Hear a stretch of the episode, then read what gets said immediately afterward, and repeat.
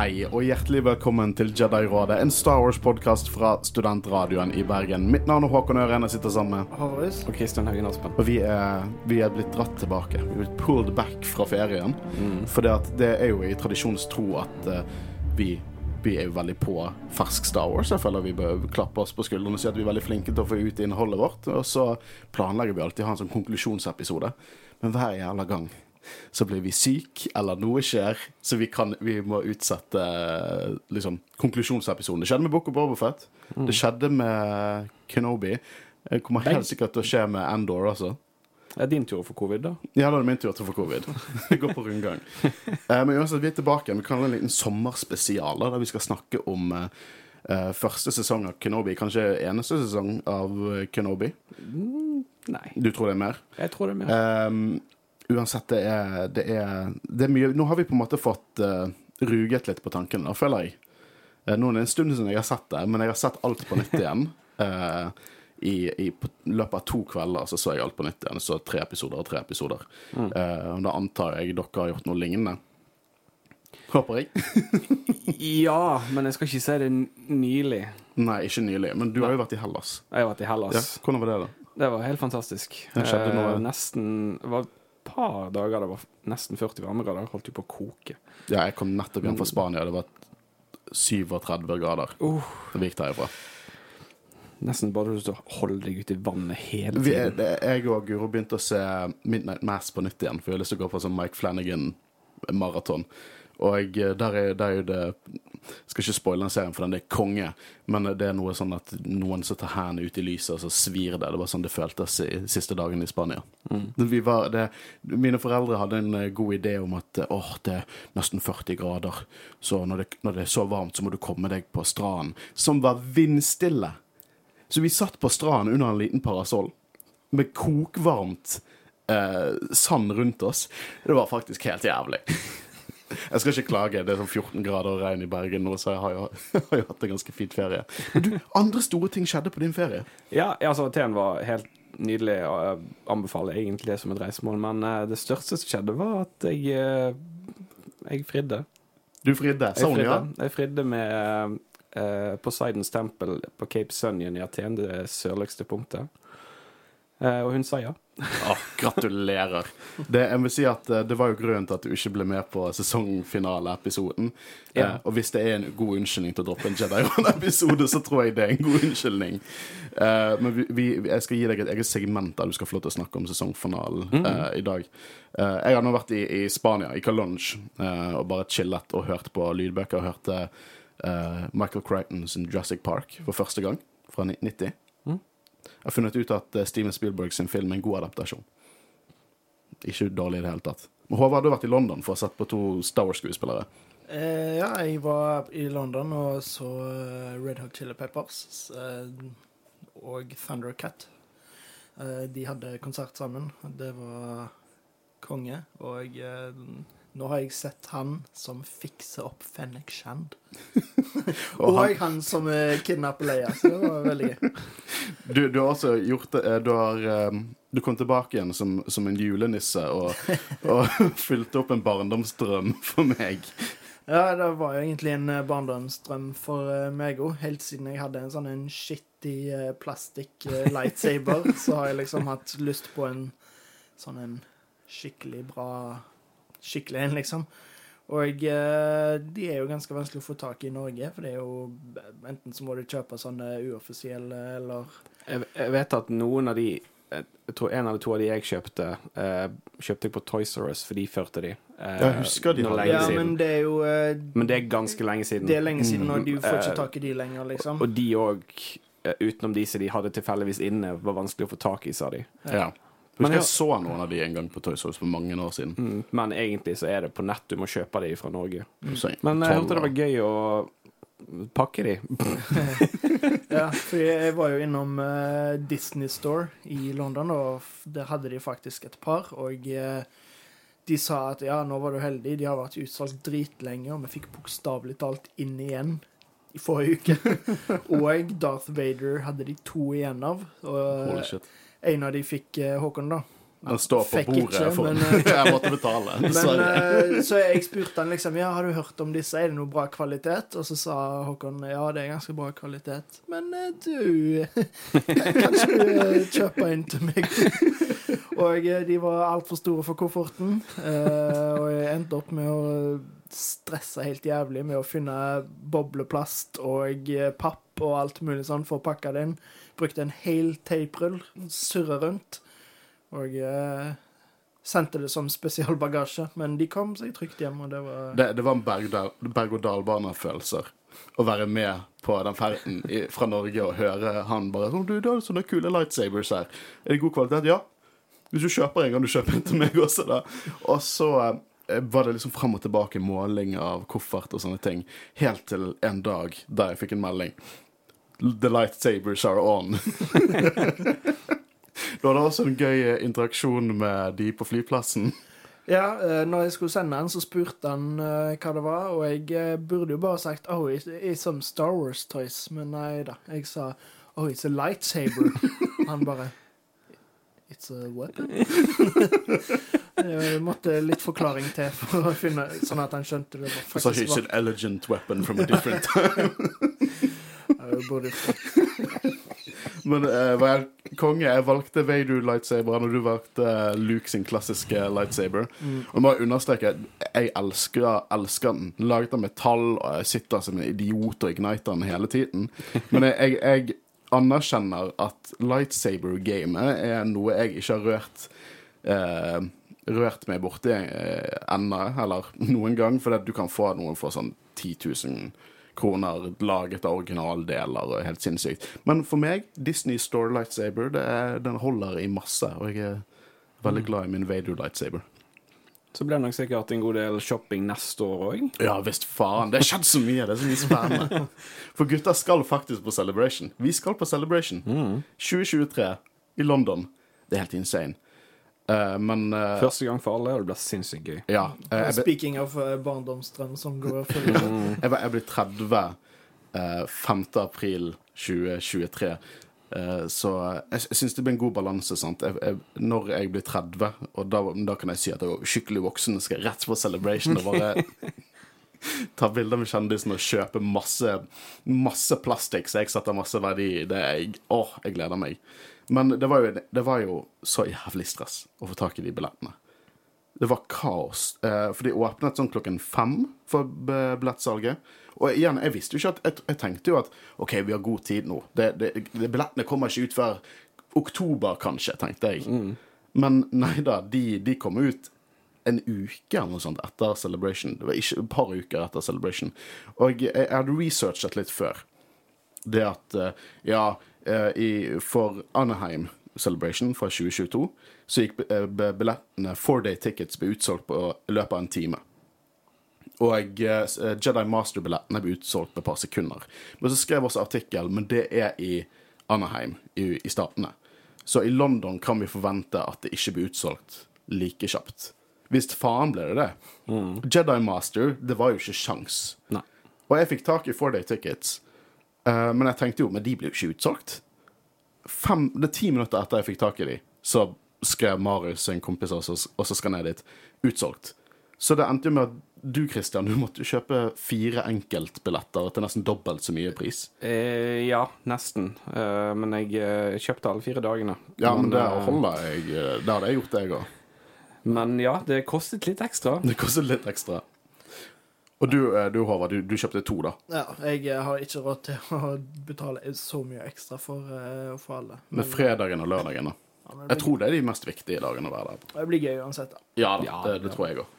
Men det, det, nå, nå har vi snakket i, i mange minutter om våre, våre liv, Eh, så vi skal hoppe tilbake til hvorfor vi er Obi-Wan Kenobi. Sesong én, eller The Season. Uh, og jeg, som sagt, Christian, du gikk jo glipp av, av dine tanker på sesongfinalen. Så jeg har lyst til å bare gi ordet til deg. Hva, hvordan var sesongfinalen for deg? Jeg syns sesongfinalen var helt fantastisk. Jeg må jo si at jeg eh, Etter episode fem, når vi snakket om den, så må jeg bare si beklager på at jeg var så outrage på at uh, Jeg har glemt navnet. Reeva skulle gå etter Luke. Um, jeg syns det funket allikevel. Det funket ikke skikkelig, syns jeg. Så jeg tar det tilbake. Jeg tror det var vel deg jeg diskuterte mest med, Håvard. Jeg tror det. Ehm, for jeg syns det hadde vært mer upassende hvis hun Altså, hvordan overlevde hun i utgangspunktet? Ja, men det Men det trenger ikke vi snakke om. Men jeg, jeg Revenge does wonder for the will to survive. Ja, men det, det er akkurat det. For at jeg står bak det uh, argumentet mitt med at hun tok på en måte en mål. Det var hatet som holdt henne i live. Og det står jeg bak. Um, for jeg syns det hadde vært enda mer rart hvis hun bare hadde hoppet inn i en uh, scene med eh, Kenobi eller Wader, på en måte. De trengte den interactingen alene, og den scenen mellom de to er den beste scenen i hele serien. Ja. Eh, jeg elsker symbolikken med når Wader eh, får hjelmen kuttet av. Det er så fint i forhold til hvordan vi så det i Rebels, for da var det andre siden. Hver side representerer noen som har vært nær av eh, Kenobi, føler jeg. Den ene siden er Soka, den andre siden er Kenobi. Eh, så Men det er Luke som må til for å fjerne hele. Yes! Det er så fint. jeg- Jeg hadde tenkt å ta det opp senere, men når du sier Nei, det, jeg er helt enig. Det er så kult. jeg elsker hvordan de gjorde det, og det var helt fantastisk. Uh, og det er uh, Den episoden òg symboliserer jo Return to Jedi, som de har gjort med hver eneste episode, som jeg syns er helt fantastisk. Ehm, så jeg har bare positive ting å si om den eh, episoden, men jeg føler òg at jeg stemmer for en sesong to. Gjør det, ja. Fordi at sånn som de hadde planlagt det i utgangspunktet, hvis jeg har lest riktig, så var det planlagt eh, filmer som viste stadiene som Kenobi Kjent fra prequel-trilogien, og hvordan han kom til det steget når han, vi ser han i originaltrilogien. Så jeg kunne gjerne tenkt meg å se fortsettelsen, for han er ikke kommet til Ben Kenobi ennå. Så vi kan gjerne Nei. få en sesong to der vi ser videreutviklingen så han kommer til den personen vi kjenner i New Hope. Hvis eh, de gjør det, så håper jeg virkelig at vi ikke får Vader. Egentlig. Nei, Det- jeg trenger, trenger nødvendigvis ikke Vader. Det, det, for all del hadde det vært kult å få se du- hva Vader gjør Mm. annet òg, men allikevel føler jeg det ville nesten undergravd litt den store avslutningen i sesong én. Tror- Eh, må i hvert fall ikke eh, møte Obi-Wan igjen. Jeg trodde du skulle si kidnapping. Nei, Neida, jeg, men jeg tror ikke vi trenger å se mer Vader i Obi-Wan sin Men jeg, jeg er litt sånn mm. Jeg vil ikke ha mer. Jeg, jeg jeg er bare veldig fornøyd med å ta disse seks episodene i en sesong jeg syns var veldig flott, og så bare legge det på bokhyll av Star Wars Cannon og si ferdig. Ferdig verk, på en måte. Ja. Ja, altså, det er ikke sånn at serien indikerer heller at det skal komme en sesong to, uh, men jeg tenker mer Hvis det kommer en sesong to, så aksepterer jeg det for å se Og jeg kommer til å være Den- den utviklingen. å se Eh, ja, ja, ja. Men jeg, jeg syns episoden var helt fantastisk. Eh, både dette med oh, Herregud. Badass uh, Aunt uh, Aunt Beru, ja. Aunt Beru. Fy søren, finner fram de uh, Hva var det du hadde? Sånn avsagde laser-shotguns, liksom. Det var bare, det var bare awesome. Eh, Men Quaigon, da? Hva var din reaksjon til Quaigon? Um, jeg syns det var litt komisk. Nei, det var kult å se han. Jeg bare um, eh, Det var litt artig interaction, syns jeg. Jeg vet ikke hvordan jeg skal beskrive den. Men Men jeg fikk litt sånn der eh, cringe moment, hvis, det, hvis jeg bruker ordet riktig, uh, når Kenobi sa 'hello there'. Det var liksom Yes, han endelig sa han det, men måtte han si det der? men, uh, Men vet du hva, den memen har ødelagt Hello There for meg. Jeg, jeg klarer ikke å se scenene med Hello There lenger, fordi at det bare det er meme nå. Det er ikke Star Wars, det er meme. men han, han måtte være der. Han måtte Ja. si de to ordene sammen. Så det. Men, eh, Da var det Leonardo DiCaprio peke på skjermen, og han sa det. men eh, kongeepisode, og det var gøy. Kanskje den beste episoden. Beste episoden. eh, beste scenen, Wader og Obi-Wan, og det var kult å få en cameo av Quaigon, som vi hadde håpet på. Ja. Og Palpatine. Palpatine dukket opp. Palpatine dukket opp òg. Gode, gamle Peppa God gammel Palpatine. Palpatine. Det, Det, da- han blir litt sånn overskygget når vi ser Liam Neeson tilbake i rollen som Quaigon Jinn. Det Men ø, ø, utrolig. Ja. Jeg, jeg, jeg, er- jeg, jeg visste du kom til å elske den. Ja, absolutt. Eh, Og apropos Palpatine, jeg syns han Du så liksom han var veldig irritert på Vader, syns jeg. Liksom. Jeg elsker at han dukket opp der og var litt sånn Er du en liten bitch, Vader? Ja.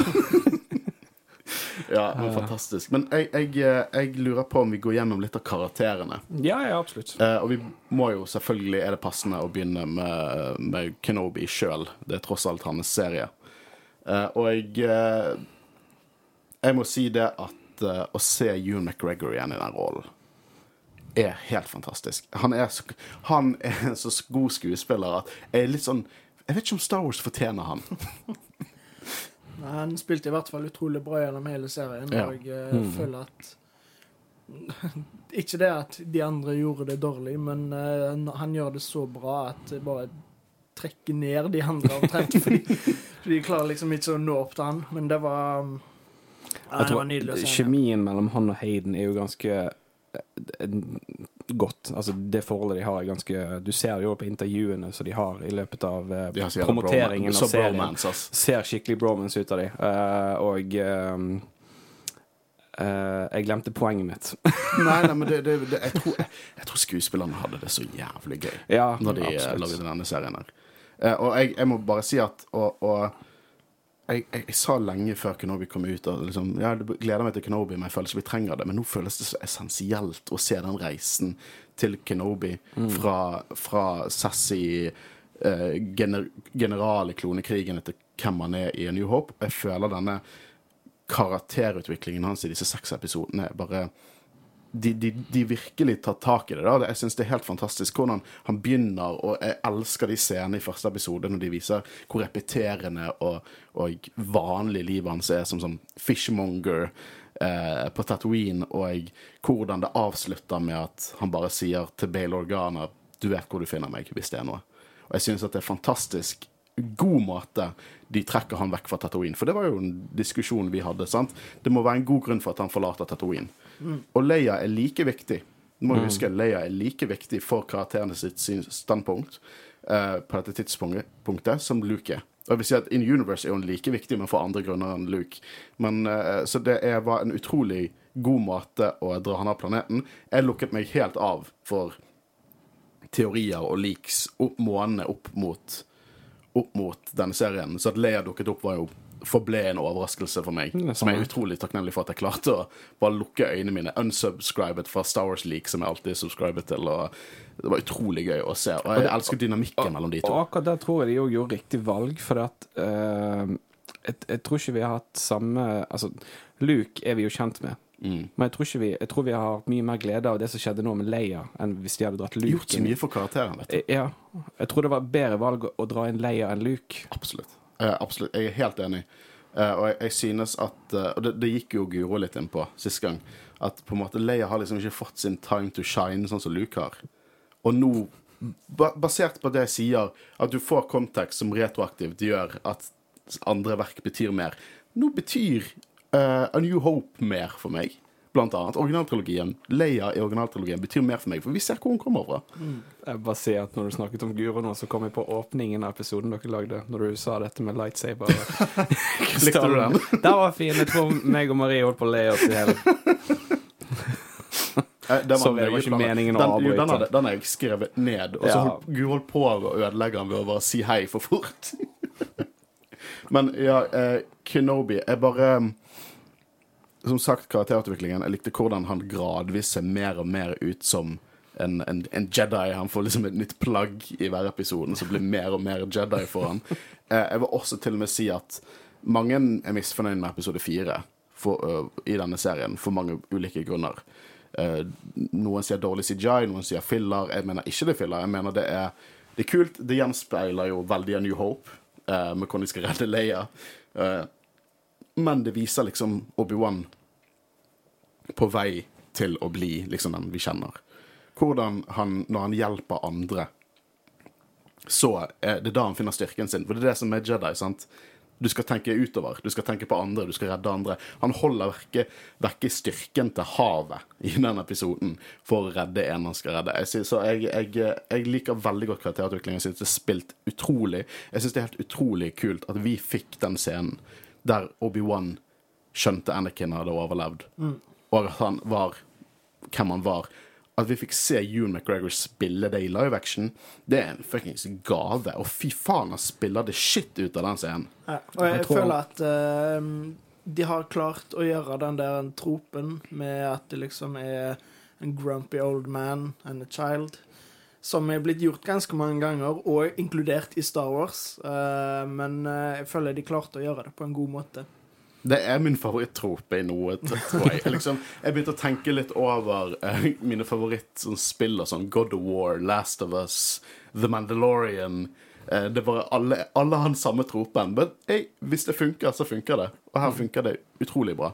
Det gir karakteren agency. Det er på en måte Vi, vi får han til å hive seg opp fra setet og faktisk gjøre ting, og jeg syns det er gjort utrolig bra. Så tror jeg òg eh, grunnen til at de spiller så bra, er fordi at de òg har veldig stor eh, eh, Hva skal jeg si eh, de, de er veldig glad i karakterene sjøl. Mm. Det merker du på hvor mye research Hayden Christensen gjorde. Eh, og jeg tror òg Jeg mener jeg å lese at uh, Ewan McGregor gjorde mye research for å få tilbake hvordan det var å spille uh, Kenobi i prequel-trilogien. Hvordan han kommer tilbake til sånn som han spilte Mm. han stemmen og alt mulig. Så jeg tror de har veldig mye kjærlighet til karakterene, og det hjelper òg på Jeg er veldig enig i det. De, de eier på en måte karakterene, og de fortjener å eie karakterene. Og det var så kjekt å Vi, vi, kan, vi skal snakke om Leia, men jeg har lyst til å snakke om Anakin slash Vader også. Ja. Fordi at um, Vi fikk ikke se Hayden så mye. Vi gjorde ikke det, men når han var der Holy shit. De altså- flashback-scenene. Jeg kunne ikke brydd meg om at han så for gammel ut. Det er ikke det det handler om, people. Det er ikke det man skal sitte igjen med. Man skal si og jeg sitter igjen med så mye mer. Jeg, jeg synes bare Det at det var en lytter som sa det at det er ikke sånn man husker. Og det, det er god nok forklaring eh, for meg. Det er ikke sånn man husker tilbake i tid, har flashbacks. Og jeg skjønner at dette, ikke, dette var jo delvis inni hodene deres også. Men uansett, jeg trenger ikke bortforklare det. Det var fantastisk å se Ewan McGregor som Obi-Wan og Hayden Christensen som Anakin drive og bante til hverandre og dial har dialogen, og saber-fektingen er awesome. Og med tanke på hvor ødelagt hodet, og- eller ansiktet til Vader er på det tidspunktet, så hadde Selv om det var litt kjedelig at vi ikke fikk så mye Hayden, fordi jeg føler at ganske mange ganger så må det ha vært stuntmenn inni drakten og alt mulig Ja, sånn. de hadde en som var betraktelig høyere enn han, spesielt når de var scener der de sto nærme hverandre. Mm. Men jeg, selv om han ikke var med så mye, så kunne de ikke gjort det uten Hayden. Nei. Det Nei, altså Den flashback-scenen var helt amazing. uh, men òg den scenen tilbake til siste kampen de hadde i siste episoden. uh, når hjelmen er av og han begynner å prate. Jeg elsker den vekslingen mellom uh, James Earl Jones og eh, eh, eh, eh, Hayden Christensen. Ja, bare perfekt Men, eh, blandet, liksom. Ja, og når du tenker på eh, dette med at Rebels, så er jo symbolikken jo at eh, i serien så er det Matt Lantern, Mm. sant? Da mikser de der Ja, også. ja. Men det, det, det er Matt Lantern skal absolutt ha sin kred for, for Mm. hvem Anakin er. Absolutt. Men det, som sagt, det måtte være Hayden her. Eh, og jeg syns de har gjort Ja, ja, utrolig ja. bra. Og jeg elsker bare Jeg elsker symbolikken. Jeg elsker hvordan helt klart denne serien prøver å fremstille litt sånn OK, hvordan sorg, traume, hvordan bevege Mm. seg forbi det. Hvordan Obi-Wan gradvis klarer å på en måte ikke glemme hva som har skjedd, men jobbe for å bli bedre.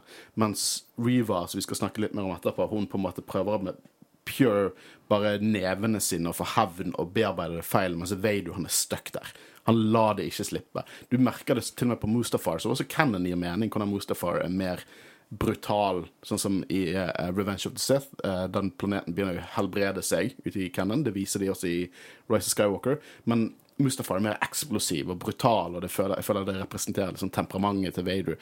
Vader er på en måte mye mer unhinged. Han er, han er ikke så kalkulerende som han er i originaltrilogien. Han er bare pure goddamn anger, jeg Han lærer fortsatt å bli Vader, som Ja. Vader i originaltrilogien. Så Også- begge to har en veldig god karakterutvikling i serien. Så det er liksom ikke bare Vader Uh, Nei, det er ikke bare Obi-Wan som har en uh, god Liksom bare eh, Nei, jeg vet ikke hva jeg vil med det. Jeg skjønner hva du mener. OK, jeg er bakfull så det er litt tåkete. Men begge to har en veldig god uh, karakterutvikling, og eh, de fortjente denne serien. Ja, det- serien føles essensiell, og jeg elsker hvordan, som Guro sa når vi satt og så på det Dette er første gang man Vi vet at det er Anakin som er Vader. Vi vet at det er på en måte han som er under masken, og hva, at han blir til Vader. Men her føler vi det. Her føler vi det. Det er liksom en sånn overgangsperiode. Der jeg, det virkelig jeg hang meg fast på det, at nå føltes det som at det var Anakin. Nesten litt sånn utålmodig. Litt, eh, litt Kanskje litt umoten, på en måte. Ikke si barneslig, men umoden. Bare måten han oppførte seg på. Hvordan han bare drepte uskyldige. For det, det han vil ha, det skal han ha. Og jeg elsker, og det høres feil ut, elsker at de tør å bare drepe uskyldige der. Jeg, jeg, jeg synes at de holdt ikke de, de viste hvor mørkt denne serien måtte være. Spesielt med Vader. Eh, De virkelig lekte med den PG-13-ratingen. Eh, Og jeg synes det var, fan Vi fikk jeg tror ca. 20 minutter med screentime av Vader. Det er mer vi har fått i hele originaltrilogien. Har vi fått i i en seks episoder av serien nå. Og han med Anakin er min favorittkarakter. Eh, Så for meg var det helt utrolig å, å se dette. Syns det var dritfett. Eh, Det er awesome. Elsket Vader-scenen. Eh, Men Leia er jo også en viktig karakter. og Vi har snakket litt om henne nå. Eh, Men jeg synes at hun har spilt helt fantastisk bra. Og det er ikke lett å få så unge barn til å spille så bra som det blir gjort her. Og vi, vi, vi alltid, jeg har i hvert fall ofte sagt sånn at jeg er litt lei av liksom, de små barna i Star Wars, at de, de skal være fokuset. Eh, Ahsoka var helt jævlig når hun først kom. Nå er hun en av mine favorittkarakterer. Omega er bare mest sjarmerende ever. Jeg har aldri hatt problemer med Omega. Eh, og Grogu Grogu er kongen. Jeg har på meg en Grogu T-skjorte as we speak. Eh, og Leia nå. Helt fantastisk. Det eneste jeg ikke liker fortsatt, er Ezra. jeg er ikke så fan av Ezra. Men det går fint. Det er god statistikk det. at eh, du må, må Ezra gjennom hele Rebels, eller Ezra fra sesong én. Eh, Jeg eh, kjøper han som en troverdig tenåring. Det, det, det kan jeg si. Ah, Han er så jævlig irriterende. Men, men eh, han, han er, eh, jeg tolererer han. Nå, nå er det en stund siden vi har sett Rebels, men jeg husker jo at jeg svelgte ordene med litt når vi så Rebels. At, eh, at eh, i hvert fall hans dynamikk med Kanan gjør at jeg på en måte setter litt mer pris på karakteren. Men jeg Men tror jeg- Ezra er den eh, barnekarakteren jeg har likt minst fra Star Wars. Uh, Sarah Sistance. Kanskje du får litt Jeg vet ikke. De, de er jo ikke barn, de er bare voksne som oppfører seg som klovner. Men- Det er sinnssykt. Men jeg, jeg har glemt etternavnet hennes. Men jeg tror Or, det, Organa. Kom an. Eh, Vivian, ikke det hun heter? Jo. Vivian Ja, i, i hvert fall uh, fantastisk ung skuespiller. Jeg vet jo mange sammenligner hennes prestasjon med hun fra Game of Thrones. Liana oh, ja, spille, To eh, eh, badass uh, Ellie i, i Last of Us. Skal hun? Ja, ja. Oh, god det er casting. hun og Mando. Hvis du, alt, eh, eh, hvis du vet hva de, alle de memesene om at liksom Du kødder ikke med barna til Pedro Pascal. Nei, jeg, jeg visste han skulle spille, men jeg visste ikke henne. Men det ble, det ble konge. Men, Jeg tror den serien kommer til å bli helt sinnssyk. Altså. men Leia har spilt fantastisk, har skrevet fantastisk, og hun er akkurat sånn vi kjenner Leia kommer til å bli i originaltrilogien, så det er godt gjennomført. Og du ser inspirasjon. Du, som på slutten, slutten der, når hun tar på seg det holsteret, og hun tar på seg hanskene, og, og det er bare hun er, hun er en veldig selvstendig karakter. Veldig av ung alder, men du, likevel så får hun på en måte input fra Ben, fra Tala, fra alle disse her, og du bare, du bare merker at det er de små liksom, det er de små småsteinene som ruller før liksom hele skredet som er Leia som kommer inn på scenen i New Hope. Jeg er veldig sikker på at Kenobi hadde aldri trengt å komme til å redde henne på den planeten. Nå hadde hun kommet seg unna alene, hun. Da hadde lurt seg hele veien hjem, hun. Det hadde ikke overrasket meg. Men, eh, men Håvard, du var jo litt sånn Du har ikke vært negativ til det, men du har vært litt lei av tropen med redde, redding av en unge. Nei, ikke nødvendigvis. Jeg likte det veldig godt eh, første gangen. eh, når Leia ble kidnappa, fordi det var en perfekt måte å få Obi-Wan av Tatooine.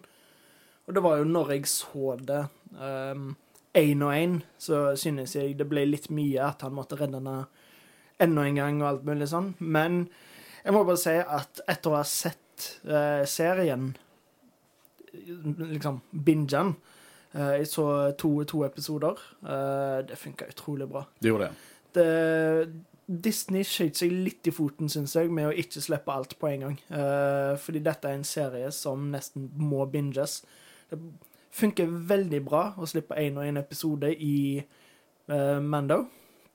På grunn av liksom hvordan Mando er veldig episodisk. Ja, det er så episodisk, men merker det jo òg i Book of Bobafett, der det er en mer helhetlig historie, eh, at denne òg burde nesten ha blitt sluppet alt på en gang. Fordi det, nå har jeg ikke noe problemer med pacingen, egentlig. Selv den episoden som føles for kort, føles ikke så kort når jeg på en måte vet hva som kommer til å skje, og hvor veien går videre. Så um, det, egentlig mye av det negative um, jeg hadde å si, uh, som ikke var veldig negativt. Det var ikke sånn at jeg ikke likte serien, men mye av det har jeg, eh, må jeg egentlig bare trekke tilbake etter å sette alt på en gang. Jeg jeg er enig. altså Det samme med Book of Bowafett. Eh, når alt var ferdig og alt var stoppet, å se episode i hvert fall én til fire var noe helt annet enn å se de ukentlig. Men jeg er veldig glad i selv om av og til så er det veldig kjekt at en serie slippes helt ut, og du kan binge den. Så jeg er veldig glad i den spenningen med å vente uke til uke, men det er meg. Men jeg, jeg, jeg er veldig, jeg veldig Jeg- enig veldig enig i hva- du mener. Det var, har vært utrolig gøy å liksom ha noe å glede seg til hver Mm. uke, men jeg føler at historien trengte på en måte litt annen jeg, jeg ser den. Jeg, jeg, er, jeg er enig med begge dere to. For det, det er hardt. For det, jeg tror at, at, eh, at, at rett og slett de hadde Men altså, folk kommer til å klage uansett. Det, det, Ja. det, som Star Wars er er, eh, er ikke, Jeg skal ikke understreke eller sånn undertrykke de som ikke liker det, for det er veldig lov, men det er de som hater det mest, som skriker høyest. Eh, Vi er veldig heldige med våre lyttere at eh, de fleste av våre lyttere kan på en måte kritisere og, og rose på en veldig sånn sunn måte, og det er en sjelden ting i denne fandomen. Eh, så vi jeg i hvert fall setter utrolig eh, eh, mye pris på. Men jeg tror at uh, Book of Bobofet, hvis det hadde blitt lagt ut som en hel serie, så hadde veldig mange flere som følte avsmak, kanskje likte bedre. Det samme kanskje med, med Kenobi. Men en ting så Men det er igjen det å vente uke til uke. Så er det nesten som å vente på en ny Star Wars-film uke etter uke. Det er liksom den det, er når du våkner på onsdager, og det er liksom shit, det er ny Star Wars, og faen om meg, holde meg unna spoilers en hel dag på en jobb som er IT-rettet, så jeg må stirre på internettskjerm hele jævla dagen. Klarte å spoile meg én gang, uh, og det var uh, litt trist. Uh, spoilet? Qui-Gon. Men den så jo jeg komme. Så da, jeg ble ikke sint. Jeg ble mer sånn Jeg kom med et sånn lunt smil. Og så bare sånn I knew it. Det verre var jo Mando sesong to når jeg klarte å spoile Boketan. Og det var ikke min feil. Det bare sto sånn Boketan in Mando season 2. Og så bare ikke et sånn spoiler-bilde. Det var bare svært bilde av Boketan i Mando sesong to. Men, men en ting så eh, Jeg merker at noen har laget et, eh, et to og et halvt timers eh, filmkutt ut av Jeg har hørt eh, om den. serien. Har du sett den? Nei, jeg- ble veldig intrigued, for jeg er veldig spent på eh, hva de har beholdt, altså hvordan de har gjort det. Men Mm. jeg kan, jo, jeg kan jo se mange måter de kan gjøre det på, så jeg kommer nok til å se den. Jeg kommer i hvert fall til å se sånn den 20 minutter lange YouTube-videoen med alle Vader-scenene om igjen og om. Ja, jeg så Jeg har ikke sett den, men jeg så det. Eh, men Reva hun har jo vært en veldig omdiskutert eh, karakter. Veldig. Eh, Noe av den negative, negative ordet der har vi snakket mye om, og helt eh, irrasjonelt og ondsinnet. Men eh, det er selvfølgelig lov til å kritisere en karakter. Og det er mange Det er noen Ikke mange, men det, det, det har vært veldig 50-50 fra lytterne. Noen av våre lyttere synes at hun var litt sånn irriterende, og andre synes at, eh, at eh, når de fikk hele historien, så ble hun på en måte fullkommen. Men jeg jeg sitter der og jeg har på en måte unnskyldt den karakteren lang tid fordi at hun har en vei å gå. Det er en fullstendig historie. Når vi fikk den siste episoden, så synes jeg at de lukket den boken som var Reva, kjempegodt. Jeg synes at det gjorde, det gjorde karakteren. Og det gir mening det at hun har vært så bombastisk og høylytt og kanskje litt over the top, kanskje noe som folk har reagert på. For at hun er en poser. Og hun er darkside, absolutt. Hadde de holdt hun er en darkside, hun gjør dark shit. Men sånn, du, når du vet det at hun bare har vært den younglingen, og hun har bygd seg opp for å hevne seg på Anakin slash Vader, og du merker sånn tilbake i episode fire, så holder hun på arret sitt. Du merker i episode tre, når Vader begynner å drepe uskyldige, at hun flinsjer, og da tenker du i, i i scen- scenarioet der at å ja, fordi at hun, hun er utålmodig, hun skal ta Kenobi. Men når jeg tenker at ser det på nytt igjen, så tenkte jeg faen, hun får flashback til Order 66. Hun liker ikke å se de uskyldige dø på den måten. Eh, så jeg eh, jeg synes at hennes story arc var veldig fullkommen og veldig passende. Hun var på en måte en sånn liten story arc nesten mellom Kenobi og Anakin, og hvordan hun det var en veldig atypisk Det var, det var ikke en typisk redemption story fra, fra Star Wars. For der er det bad guy. Uansett hva ille han eller hun har gjort, så blir hun uh, Blir han go uh, god, og så dør personen. Men her er det en person som velger å ikke gå ned den ruten Anakin gjorde, og så må hun leve med det. Og det syns jeg er interessant. At hun må leve med den redemption, og så har hun valget kan hun jobbe for å gjøre ting bedre. Og det syns jeg er flott. Det er flott tematikk, det er utrolig, det, det, jeg syns det er kult, og jeg har ikke sett det i Star Wars før. Kan, du kan argumentere at du har sett det litt i Asage Ventress, spesielt i bøkene, men ikke på denne måten. Uh, og jeg syns det var, var stilig. Hva synes dere om Reaver?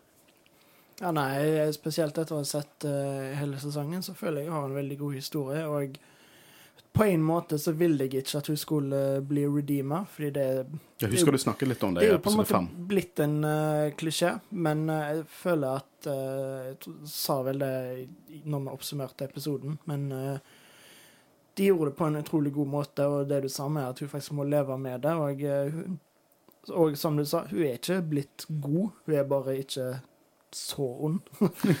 så Hun har eh, potensial til å bli god, ja.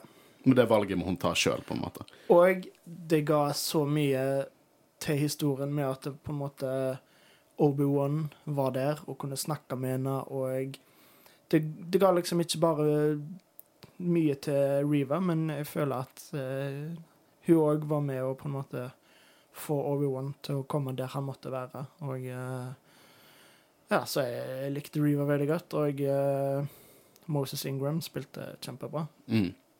Jeg, synes hun spilte Hun spilte akkurat det hun skulle spille, Mm. synes jeg. Og jeg hun spilte bra, men hun, hun, hun skulle være over the top.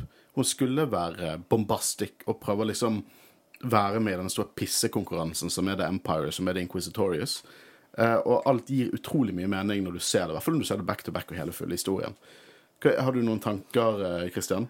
Nei, jeg vet jo jeg etter første episoden tror jeg nevnte det når vi spilte inn, at jeg var litt sånn Skuespillet var ikke helt sånn Nei. perfekt for meg, men uh, jeg tar det tilbake nå i helheten i serien. Jeg er enig med alt dere sier, uh, men eh, i forhold til det du nettopp sa, Håvard, så er det jo mulighet for at selv om hun ikke er god og på veien der, så kan vi jo være at hun dukker opp igjen i Kenobi sesong to. Vet du hva jeg hadde, vet du hva jeg hadde likt? Jeg hadde likt at Hvis hun ble en sidekarakter i Jedi Survivor. Ja. Det er jo Altså, samme år, altså.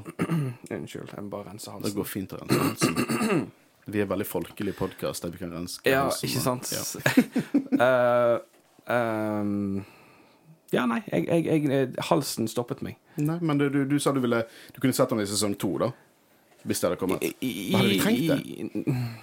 En Kenobi sesong to Ja, men nei, at hun dukket opp igjen, da. For jeg Han føler hadde det nødvendigvis ikke trengt det, men eh, sånn som Håvard sa, så var jo en, på en måte en del av hvordan Kenobi overkom og ble det han ble i siste episoden. Du Hun var veldig Hun var jo- effektiv karakter for, Ja. for denne settingen. Så, så, så hun kan sikkert dukke opp som kanskje ikke en series regular, men en cameo i en episode. Jeg, jeg, vet, jeg hadde likt å sette henne i Jedi Survivor. Jeg, jeg, for jeg er jo overbevist om at det er noen ting som kommer til å crosse over fra den serien til Jedi Survivor. Det er overbevist om at det kommer til å skje. Om det er The Path, eller hva det er. Uh, men eh, det, jeg, jeg, eh, jeg er i hvert fall hypet på hva som skal skje videre. Jeg har også lyst til å snakke litt om Nå har jeg mange karakterer skrevet ned her, men jeg er veldig hypet på å snakke om Owen og Beru.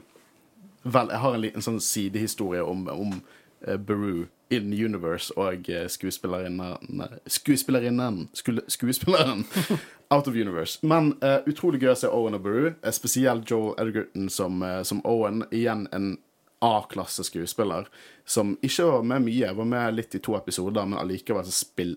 Bare scenen mellom han og Kenobi i første episode, og hvordan, eh, hvordan han kritiserer Kenobi om at å, du bare er interessert i om han viser om han har force powers, og hold deg unna min sønn. Og jeg, jeg synes at skuespillet mellom han og, og Ewan McGregor er bare åh, top notch. Så jævlig bra.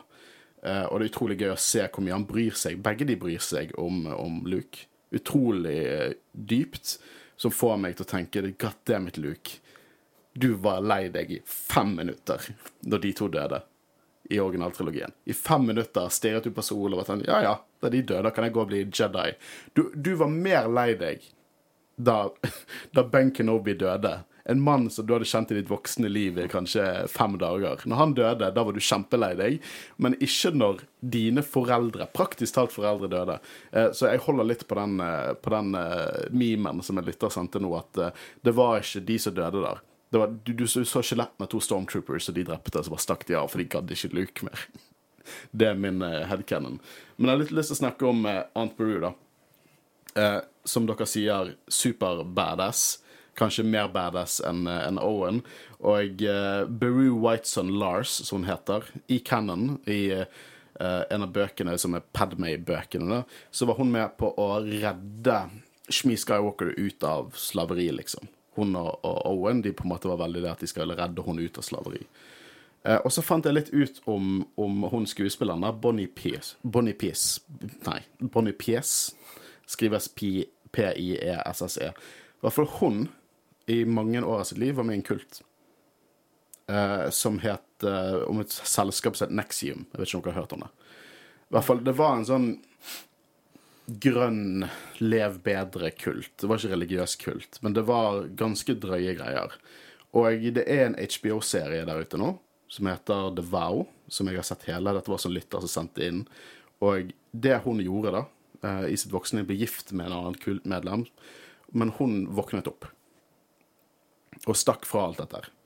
Og så brukte hun mange år av sitt liv på å redde folk i kulten og dra de ut av den kulten, sammen med sin ektemann som klarte å overtale. Og dette har de, dette har de, de har basically tatt inspirasjon fra hennes private liv og erfaringer med kulten og tatt inn i canon, med at Ant, uh, uh, Ant Beru rett og slett redder Shmi Skywalker ut av slaveri, som er på en måte en parallell til det å være i en kult. Jeg syns det var utrolig stilig, og jeg har ikke hørt noen snakke om det. Ja, nei, jeg visste ikke om det, og det er veldig kult at de gjør sånn, da. Og Mm. får det til å bety noe, i hvert fall. Ja, utrolig stilig. Og, og gå og se The Vow. Det, det er en ganske lang serie. Jeg tror det er sånn 16 episoder. Men det som er stilig, der, er at de har filmet det gradvis. De begynte filmingen til og med før de kom seg ut av kulten. Som er helt sinnssykt. Jeg har aldri opplevd det. Så du ser på en måte i real time at de på en måte driver og Så hun er overtaler folk. med i dokumentaren? Ja, ja, hun er en av kan du si, hovedpersonene. For det, hun var den første av de vi ser da, som eh, serien omhandler, som kom seg ut av den Nexium-kulten. Og så, som sagt, akkurat som sin canon counterpart, ville hjelpe andre å komme seg ut derifra. Utrolig stilig. Det får meg til å ha lyst til å lese den boken. Er det Queens Queens Hope, tror jeg den boken heter. Er i hvert fall Queens et eller annet. Eh, men det er, utro, er bare skikkelig stilig. Jeg skjønner ikke, det, har ikke noen på internett snakke om hvordan dette er helt klart inspirasjon for hennes private liv. Jeg får litt frysninger av å snakke om det, for jeg syns det er så fint til hun skuespilleren. Det er så fint at hun får lov til å komme tilbake til Star Wars. Det er så fint at til og med denne forfatteren, eh, som jeg burde researchet hvem var, tar liksom inspirasjon fra hennes liv og tar det inn i canon. Jeg syns det var kjempegøy. Det, det, det, det er sånn Jeg er bare, er bare glad. Litt rød i kikken av det. Um, vi må også snakke litt om Bale og Breya og Organa. Uh, trenger ikke snakke så mye om det. Eh, de jeg liker at vi fikk se Breya Organa litt mer. Hun var jo så vidt med i Return, Revenge of the Sith, men en annen skuespiller nå. Spiller absolutt sånn som jeg forventer. Elsker å se foreldrene til, til Leia, og hvordan de som onkel Owen og Aunt Brew faktisk er foreldrene, og at hun har et sånt forhold til det. Og vi får se Alderon, som igjen gjør at vi får mer kontekst til, til episode fire, når Alderon blir sprengt. Og jeg føler Får du mer sympati nå? Vi merker jo eh, hvor mye de har å si på hvordan Leia er blitt, eh, og den personen hun er i originaltrilogien. Og eh, jeg kjøper det at eh, Leia er en senator og General. Og, ja. general. Og, ja, nei. Det var veldig mange fine scener mellom eh, spesielt uh, Bale og uh, Leia. Det var Jeg blir alltid glad når jeg ser. Jimmy Smith. Jimmy Smith Rocks, og jeg, jeg håper vi ser han i Endor. Ja, men det gjør vi. Han og Mon Mothma, det skjer. Det skjer. Eh, vi må også snakke om The Grand Inquisitor, den mest kontroversielle før serien kom ut. Og nei, hodeformen har ikke endret seg noe særlig. Nei, jeg vet Men faen, så bra han jeg, jeg, spiller. jeg kommer til det punktet der eh, jeg sier jeg bryr meg ikke. Men faen, så Han oser jo Grand Inquisitor. Rupert Grint, er ikke det han heter? Jo. Nei, det er han som spiller Ross, Ron Weasley. Rupert Friend. Ru- Rupert oh, ja. Friend. Ja. ja, det kunne vært flaut. Men jeg har ikke hvor ofte jeg har gått til, til Guro og, og sagt sånn I can stand the reek of your ambitions no longer. jeg, jeg, vil, jeg vil bare påpeke at det jeg leste, var riktig. For at eh, jeg tror jeg sendte et intervju til dere eh, der Rupert, sa. Rupert Friend sa He has two stomachs. Og uh, uh, The Will to Live, Vengeance det, Nei, men jeg, jeg syns det Jeg ønsker så mer av han.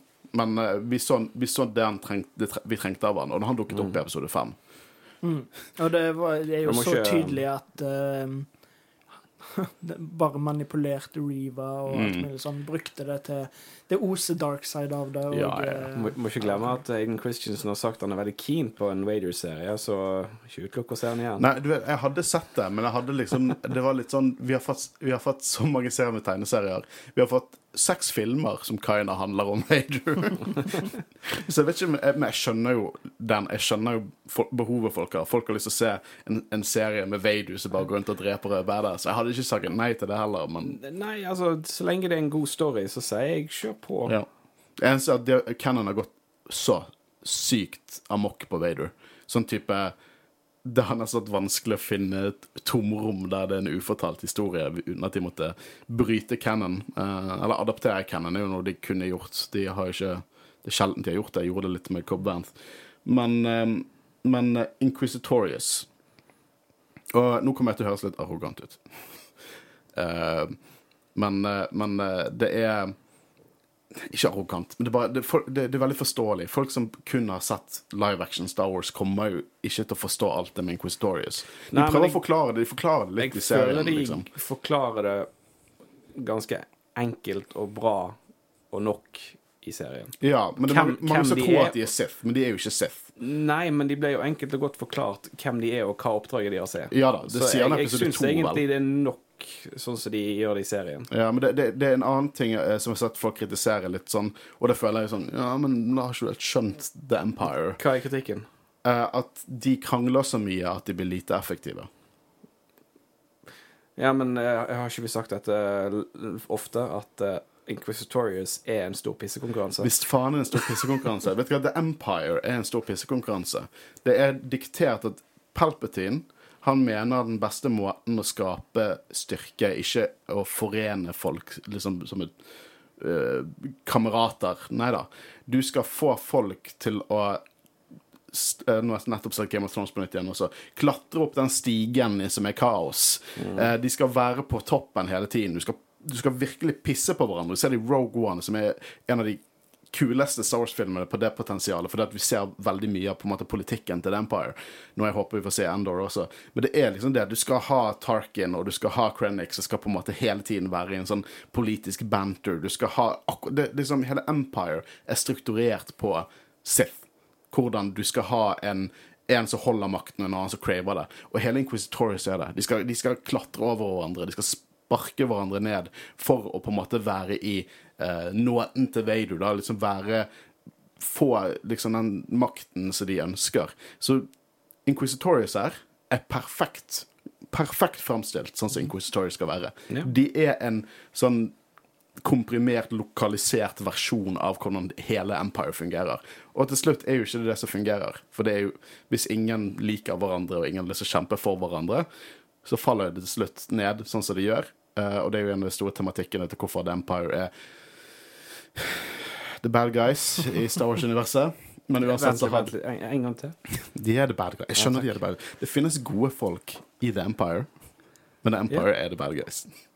Akkurat som det finnes bad folk i, i Rebellion, men The Rebellion er the good guys. Mm. Uansett kan vi alle være enige om at det er Mandalorian som er fetest. Uh, men jeg vet ikke, har dere noen flere Vi har jo på en måte taler, men jeg føler ikke Jeg likte veldig godt skuespill, skuespilleren. Jeg likte veldig godt det vi så, vi skulle fått sett litt mer. Ja. Helt enig. Uh, egentlig alle sidekarakterene kunne fått litt mer å gjøre. Uh, jeg føler alle hadde den På en måte hadde alle den rollen de trengte, i hvert fall i forhold til Kenobi, med å få han på den rette veien. Men eh, jeg føler òg at eh, selv om jeg synes serien er mye sterkere med å se alt på en gang, så føler jeg at de kanskje kunne ha trengt én episode til, eller i hvert fall lengre episoder. Um, fordi sidekarakterene har ikke så mye å gjøre. Jeg, jeg, jeg lover dere, av disse, noen av disse karakterene, en eller flere av disse sidekarakterene, kommer til å dukke opp i Jedi Survivor. Det er min vow. Det, det tror jeg kommer til å skje. Absolutt tror jeg kommer til å skje. Det, er, det kommer til å være en eller annen crossover der. Vi bare vet ikke ennå. Eh, Det skjedde jo med eh, Jedi Fallen Order, der eh, det Second Sister og Purge Troopers bare random dukket opp i en tegneserie uten at noen forklarte hvem de var, eller sa noe om de, og så bare sånn Å ja, faen. Halvannet år senere så kom det et spill. Så har de understreket det. Ja, Gra uh, Purge Troopers. Det er ikke en karakter. Men jeg har sagt uh, mitt problem. Det er gale når jeg må vente til Hot Toys produserer eller som slipper bilder, før jeg får se designet. Og designet er så kult! Slutt å skjule det bak shaky cam. Kom igjen, vær litt trooper-love, da. Kom og gi oss den der uh, Gi oss, det, til og med Force Awakens gjorde det, men Traitor-scenen. Og du tenker shit, disse folkene kødder ikke. Uh, Purge Troopers de burde fått litt mer love. Uh, det Nå er det sagt. Jeg har sagt det sikkert hver gang det dukket opp Purge Troopers i denne serien, men uh, uansett. Skal vi hoppe litt mer eh, rundt sånn tanker rundt hele serien? Ja, så jeg har egentlig allerede sagt ganske mye av det jeg vil si, men uh, Jeg liker Obi-Wan. Serien, altså. Ja. Jeg gjør det, jeg òg. Det var på en måte en sånn ting jeg Når det ble annonsert, så var det sånn Å, det blir kult, men trenger vi det egentlig? Og alt mulig sånn. Men uh, Ikke det at vi nødvendigvis trengte det, men jeg er veldig glad vi fikk det. Ja, jeg, jeg, eh, jeg har enkelte kritikker til den serien. Og det involverer kun Jeg synes at den er filmet litt dodgy. Jeg syns Shaky Cam bør dø i Hollywood-historien og aldri bli tatt opp igjen. Jeg synes at denne serien er helt fantastisk. Jeg synes at storyen og karakterene i denne skuespillet og alt helt fantastisk. Selvfølgelig er det den metating. Sånn, sånn, det er for mye shaky cam. Jeg ser litt at de kanskje ikke har brukt volume så effektivt som uh, Book of Bobafett og Mandalorian gjorde. Men det, siste, til siste slutt så er ikke det jeg bryr, det er ikke det jeg sitter igjen med. Jeg sitter ikke igjen med at ah, der burde det vært eh, 50 flere Stormtroopers, eller faen, jeg fikk ikke sett detaljene på Perch Trooperen godt nok, selv om jeg liker å wine om det. Det er liksom den stemningen og den historien denne klarer å gi oss, de øyeblikkene, de kule øyeblikkene, for mye av Star Wars skal jo være kult, og visst faen var dette kult når det var kult. Eh, jeg sitter igjen med dypere kjærlighet til karakterer jeg allerede elsket. Jeg sitter igjen med ny, eh, enda mer åpne øyne for originaltrilogien og trilogien jeg liker best. Eh, så jeg synes at dette var en veldig effektiv serie, og den ga meg for det meste det jeg ville ha. Christian. Jeg kunne ikke sagt det bedre sjøl. Du kunne ikke sagt det bedre sjøl. Nei, det var egentlig uh, Ja. Nei, jeg òg. Helheten i serien syns jeg er bra. Det er litt sånn nitpicking som vi har gått igjennom tidligere når vi har dekket episodene, men uh, jeg syns det egentlig er jeg, jeg er takknemlig for at vi har fått den. Ja, jeg Og jeg, jeg, leser jo Altså, dette med at vi trenger vi det, men eh, jeg har lyst på mer. ja, men det, det var jo det en lytter sa. Det, hun satt igjen med, med den følelsen av at uh, hun var fornøyd, men hun, hun ville ha mer. Og det er alltid den gode følelsen man skal ha. Man er, man liksom er kjempefornøyd med det man har fått, men vil også ha mer. Jeg leser jo folk skriver at eh, 'hvorfor melke dette'? Men altså, hvis ikke du vil se det, så vil ikke du se det. Men det er mange Star Wars-fans som ønsker mer content, for det er så mye å fortelle i det universet. Det er mange sidehistorier, det er masse du kan basere ting på. Og visst faen er det plass til en sesong to av Kenobi. Det, ja, men ja, selvfølgelig er det det. Jeg kunne ikke sagt det bedre sjøl. Og bare Bare kunne diskutere dette på en, på en civil og, og god måte. Man må huske at dette er egentlig et fantasiunivers. Bare La folk like det de liker, å få si. Eller bare det- ikke Bare, det- bare vær, vær heller enige med å være uenige. Ikke, ikke ikke gå den ruten som veldig mange toxic fans gjør, og på en måte gatekeeping og alt det der. Fuck det. Bare Du liker det du liker, og jeg synes at det er betraktelig gøyere å like enn å hate. Og Star Wars er et fantastisk univers. Det er derfor vi gjør dette gang på gang på gang, og det er like gøy å diskutere det hver gang. Det, det, det universet betyr så mye for oss tre. Ja. Som, som Og det er kanskje teit å si, men det er et univers som jeg vil si definerer oss tre. Den fan, det er bare det, det er derfor vi gjør det vi gjør. Mm. Jeg gleder meg òg litt til uh, de på en måte utvider universet enda mer, da. Mm. Uh, for Skywalker-sagaen er jo veldig god. Uh, veldig mange gode historier der, men jeg har lyst til å se noe som er litt uh, annerledes, da. Men vi får jo for Tror du Endor vil falle inn i den definisjonen? Nei, fordi det er jo på en måte igjen med Empire og alt mulig sånn. Jeg skulle gjerne sett noe som er satt sånn 1000 år fram i tid. Du vil eller ha litt Old Republic-content, du?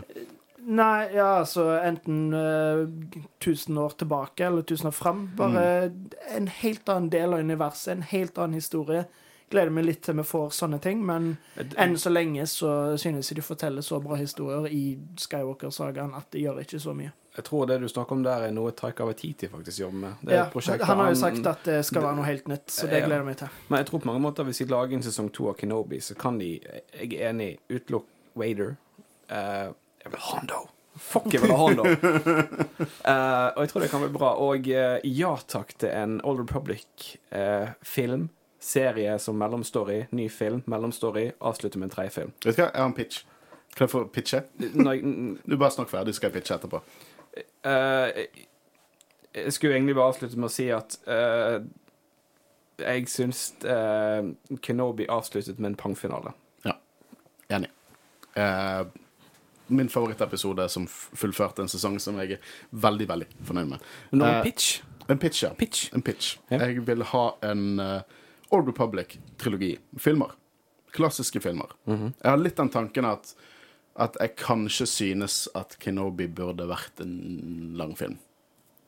Eh, jeg er glad vi har fått det vi, vi har fått. Jeg tror ikke vi hadde fått så mye Vader og så mye nyanser av karakterutvikling Men- i en film, men jeg tror jeg hadde vært veldig jeg, hadde- jeg, Kanskje jeg hadde foretrukket en lang film framfor en miniserie. Uh, det betyr ikke det at jeg mislikte den serien. Dere vet hvor mye jeg likte serien. Men uansett, i, i Old Republic Jeg vil ha en Old Republic Mandalorian Wars. Jeg vil ha en trilogi der. Jeg vil at Revan skal være en Jedi. Begynner som Jedi, eh, og det starter der Jedi allerede har knust Mandalorians. De har allerede vært, Mandalorians har vært krigsherjende folk, og de har knust de. Du trekker inn politikk. Det er traktater for å holde de på plass, men plutselig får Jedi-ordren og republikken De får små sånn hvisking fra, fra, fra Mandalore-systemet om at Mandalorians har begynt å ta over planeter. og De har begynt å drepe uskyldige på planeter. Og da har på en måte Mandalorians kommet tilbake igjen, sånn som vi kjenner de. Utviklet nye våpen og rustninger for å slå, stå imot Jedi. Og hvordan Revan som Jedi går imot ordren eh, sine ønsker og, og på en måte går inn i krig der, og hvordan han sakte, men, men sikkert blir Darth Revan. Trekk inn, trekk inn Tar Wiesla. Kanskje han er en uh, POV, uh, point of view-karakter. Mandalore the Great. Trekk alt dette inn, gjør det til en trilogi der du på en måte begynner med at du hører sakte, men sikkert at, at Mandalorians kommer tilbake igjen. Men andre filmer Full Out War, der Revan faktisk må ta litt dark side power for å faktisk stå imot. Og så slutten Revan dreper eh, Mandalore the Great, som på en måte blir canon-versjonen av Mandalore the Ultimate, og han går dark side, men Tar han på en måte forener The Jedi og The Mandalorians ved å bli den første Mandalorian Jedi. This is what I want. Ja, han alt, alt er mulig. Men et, de kommer nok uansett eh, hvordan det blir, så blir det nok noe Old Republic-content eh, på sikt. De vet at alle vil ha det, så de, ha det det, kommer. så- så- Det kommer. Men eh, eh, apropos Kenobi-film eh, Jeg er veldig spent på den kutten, så jeg kommer nok sikkert til å se den. Men uh, det var jo originalt planlagt tre filmer, forstår jeg, Ja. uh, som skulle vise det som jeg snakket om. Og det, det er grunnen til at jeg hadde elsket en sesong to, fordi at jeg vil gjerne se de stadiene der Kenobi blir den vi kjenner i New Hope som Mm. Kenobi. Derfor ønsker jeg en sesong to. Ja, jeg, jeg hadde ikke takket nei til det. Men igjen, jeg er veldig på det. Jeg, jeg, det er så mange serier, det er så mye å vente på. Det er nesten sånn at jeg, jeg er litt Jeg er kjempehypet på Endor. Jeg mener alle undervurderer den serien. Jeg tror den kommer til å være kanskje noe av det beste vi får av Star Wars-serier.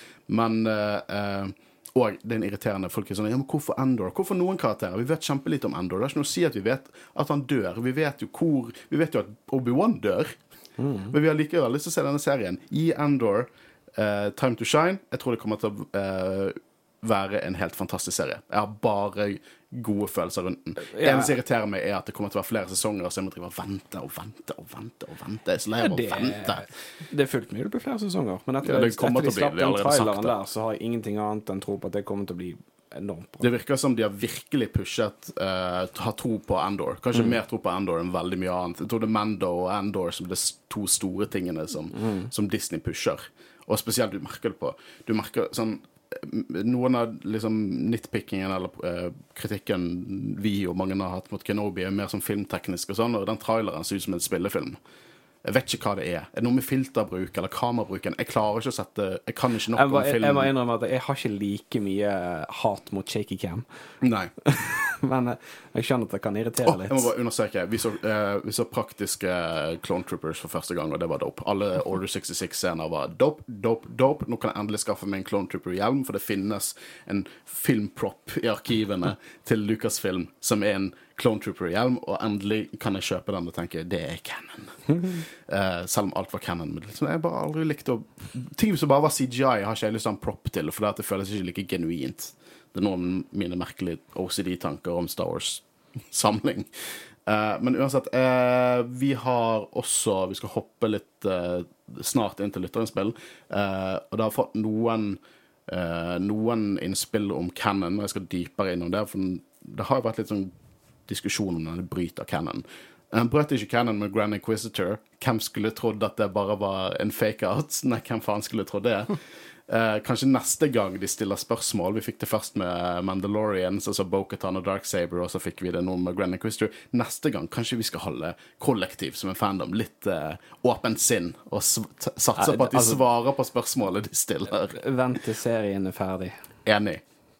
Men bryter denne serien canon? Er det et lytterinnspill? Nei, jeg bare tenker, syns ah, ja. dere denne serien bryter canon, basert på det dere kan om canon? Nei. Jeg, jeg, jeg mener stikk motsatt at han legger ting mer til rette for A New Hope. Jeg, jeg er veldig enig. Og jeg skal snakke litt om hvorfor jeg er enig med dine kloke ord. Eh, en kritikk som folk har tatt opp, er dette at Leia De mener at Leia ut ifra A New Hope snakker som hun ikke vet hvem Obi-Wan er. Hun sier sånn 'Help me, General Kenobi, you're my only hope'. Eh, og de mener det er for formelt. Og da tenker da tenker det, det er litt sånn for bokstavelig tenking på det. Det kan være Skal vi trekke oss inn i Canada? Kanskje det, det er ti år siden hun har truffet han. Kanskje at hun føler for å være mer formell. Det er ikke viktig. Det jeg, du kan argumentere på andre veien der også, syns jeg. Når hun hopper opp av stolen og sier 'Ben', understreker jo det. Men òg de er bokstavelig talt under angrep. Skal hun liksom uh, gå rundt og si sånn 'Å, hei, Obi-Wan, lenge siden sist.' Husker du en gang? Må være effektiv for å få hjelp, fordi hun er på vei til å bli fanga. Så akkurat Det er så teit argument. Uh, Ja, men det, det, f- f- jeg tror enkelte blir veldig dratt inn i canon, sånn at de, de mener at karakterene in universe skal oppføre seg som canon, og alt det karakterene sier, skal bli tatt bokstavelig, liksom. At en karakter kan ikke lyge. Hvis en karakter lyger i Star Wars, så sånn, du går imot canon. Eller karakteren lyger. For eksempel når Vader og Obi-Wan møtes i New Hope, så sier Vader When I last met you, I was but a learner. Eller when I, last, when I left you, I was but a learner. Now I am the master. Og så tenker jeg sånn, ok, bokstavelig talt sist gang Vader møtte han, så må han ha gjort det. Det er, kan være snakket mer sånn som man snakker. Da? Sånn, sist gang han forlot Kenobi, når Anakin forlot Kenobi, var det når Obi-Wan forlot Vader på, på den måneden i, i Kenobi-serien? Eller var det når Anakin forlot Kenobi som liksom ikke, som apprenticen til Kenobi i Revenge of the Sith? Føler, han var jo Jedi Knight da, men det, det er ikke, man, man må slutte å se på det som bokstavelig, for da kan man ikke fortelle noen karakterer i nei, historie i universet. Folk snakker ikke sånn IRL. Folk sier feil. Folk sier, snakker mer naturlig, og eh, man skal ikke ta det som bokstavelig. Dessuten, jeg er helt enig med det Christian sier. Jeg syns at denne serien føles essensiell til, til Skywalker-sagaen, og den understreker alt det vi ser i originaltrilogien. Det er klart Star Wars-fans som har laget dette. Å å nei, bare fortsett. Jeg har krampe i foten. Han har kamp i foten. Men jeg, jeg, bare- jeg syns ikke Og vi skal gå litt mer, for det, det er vært noe annet som våre lyttere har snakket litt om angående eh, Quaigon dukker opp. Og det skal vi snakke litt om etterpå. Men akkurat ut ifra det vi ser dette, i hvert fall forhold til New Hope, så nei, jeg syns ikke det bryter canon i det hele tatt.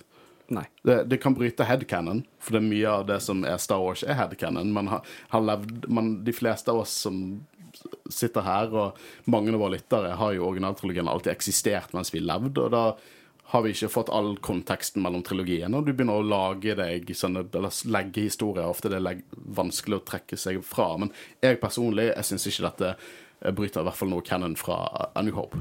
Men det er mye annen canon ute i vide universet av Star Wars-canon som det har vært litt omdiskutert, og det skal vi ta opp eh, etterpå. Ikke vær eh, bekymret. Eh, Men før vi går inn i lytterinnspill Favorittøyeblikk. Hva hang seg mest fast her? Jeg tror det må være den siste duellen mellom de to. For fordi det er så stort øyeblikk i begge sitt liv og eh, deres videre karakterutvikling. Og det betyr så mye, og jeg synes det ble gjort helt perfekt. Ja, den, den scenen var så godt gjennomført, og eh, skuespillet al- al- Alt i den scenen der er perfekt gjennomført. Mm. Ikke bare, ikke bare duell, som er dritkul, men bare når Stemningen, dialogen, ja, når alt. halve, halve, halve masken går, og du hører Hayden Christiansen, og hvordan han sier det at du drepte ikke Anakin Skywalker, jeg gjorde det, som er bare sånn det er canon! Det er akkurat sånn Vader ser på seg sjøl. Han er ikke Anakin Skywalker, han, han drepte Anakin Skywalker. Og hvordan Hayden sin stemme bare går inn i James Earl Jones sin. Hvordan Obi-Wan sier, sier 'goodbye, Darth', som bare sånn igjen A New Hope. Dritfett. Yeah. Absolutt min favorittscene i hele denne serien. Uh, og det sier litt uh, når alle vi er enige med det. Det er den som står i notatene mine. Min favorittscene. Men det er mye annet å ta tak i. Jeg elsker mange av de rolige øyeblikkene mellom, uh, mellom Leia og Obi-Wan, spesielt på slutten, der Obi-Wan endelig forteller Leia om hennes, ekte, hennes ekte foreldre og deres positive karaktertrekk som han ser igjen i hun. Og- Leia-musikken bare treffer inn. En av få ganger jeg har rullet en tåre til Star Wars.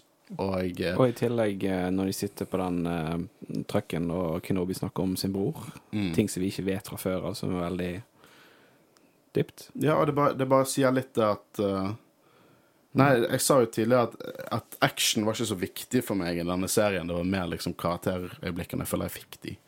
Du fikk begge deler. Fikk begge deler. Absolutt. Det kunne vært litt mindre shaky cam. Det kunne vært litt, det kunne vært, jeg er litt lei av at serier hele tiden prøver å ha realistisk mørke. Jeg trenger ikke realistisk mørke. Jeg trenger ikke ha The Long Night i Game of Thrones.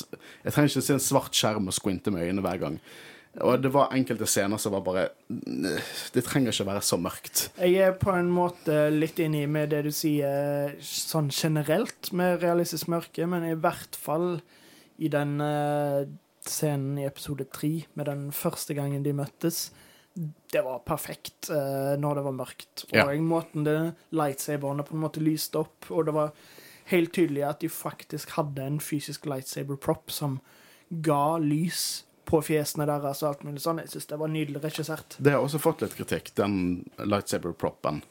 At eh, folk føler det litt som Vi holder disse leke-lightsaberne vi har, fordi det ser ut som en lightstick. Jeg skjønner litt av meningen, eh, men uh, Men de har jo lagt på andre effekter oppå, Ja da, de, så jeg, de har det.